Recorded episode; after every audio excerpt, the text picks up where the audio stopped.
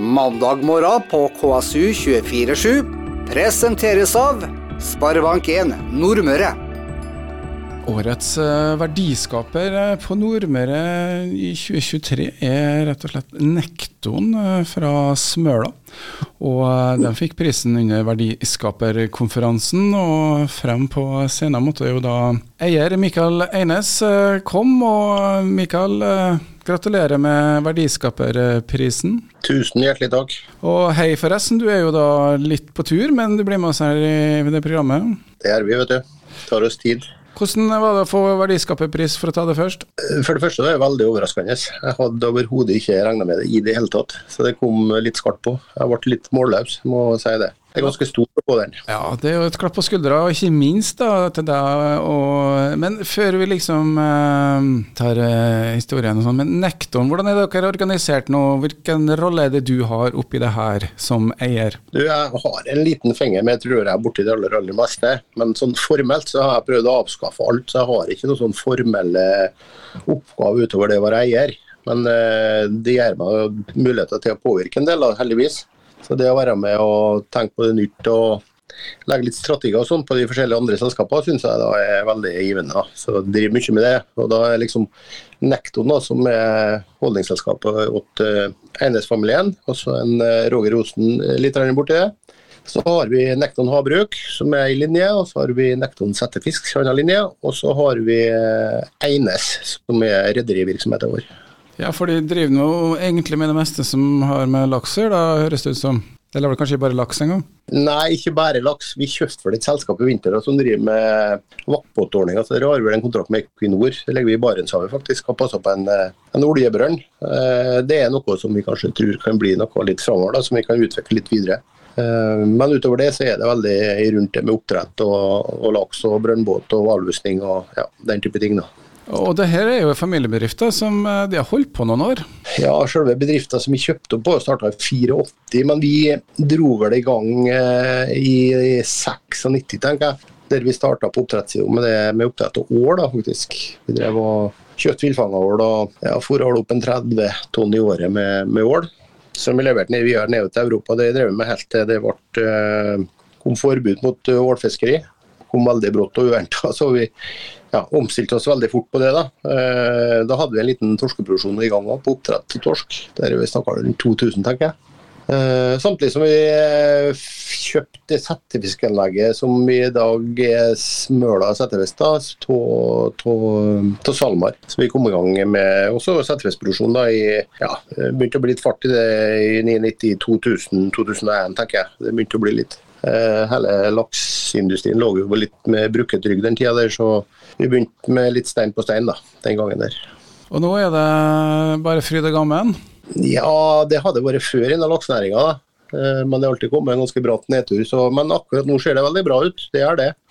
Litt spennende i forhold til de politiske føringene som er. da. Vi har en næring i dag som driver med et skatteregime som ikke vi har fått. Vi, vi vet ikke hvordan skatteregime vi driver etter ennå. Det er litt utfordrende. Uh, håper at det kommer på plass ganske snart. Det er kanskje det helt mest spesielle akkurat nå for næringa. Eh, alt er litt satt litt på vent pga. det, forståelig nok.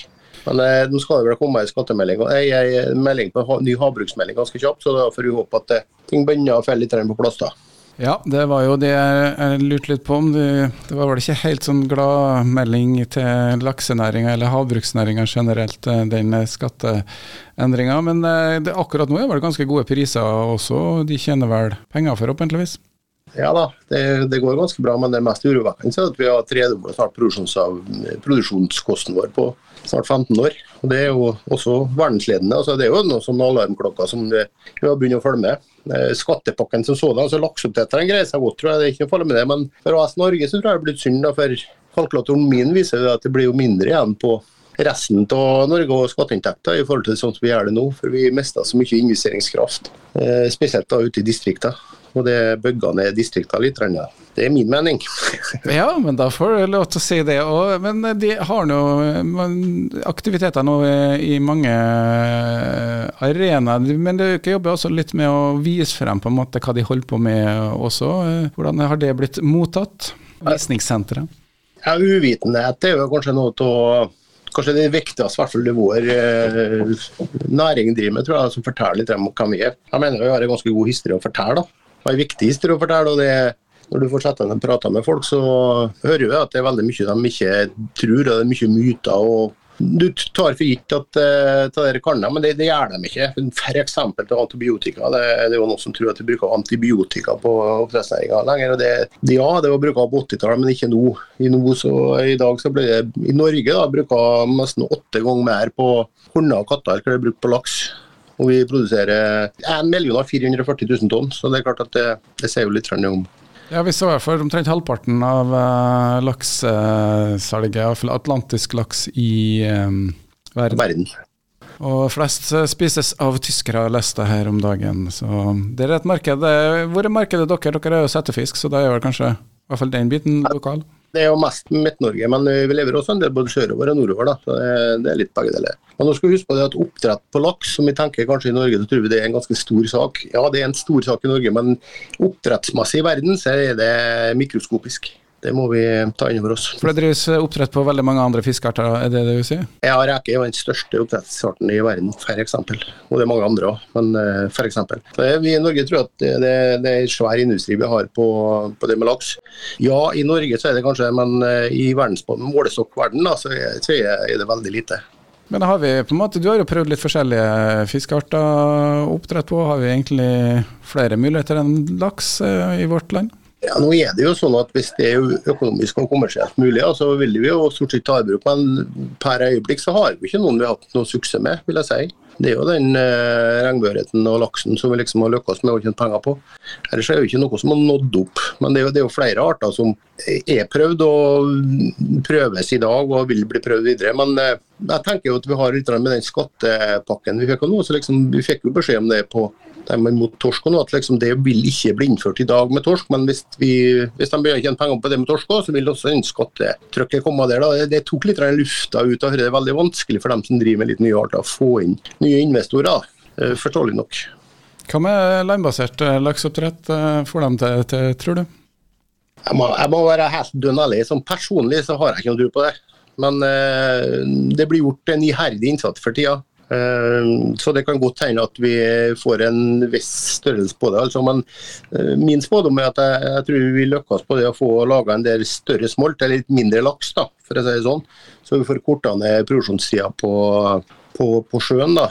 Eh, det er også i forhold til det med lusproblematikken vi har i dag. sånn at vi får eh, kortere tid eksponert opp imot lus. og Det tror jeg kan være en smart måte å gjøre på. Ja, hvordan det er med lusproblematikken? Greier de på en måte De greier kanskje å holde det i sjakk, men eh, får de det til å bli redusert? Utrydde lysa, det vet jeg ikke om det er helt et ønske engang. Vi vil jo holde det godt under kontroll. og Jeg tror, jeg tror ikke vi får fjerna lusa for godt, så vi må nok på et eller annet vis lære oss å leve med det.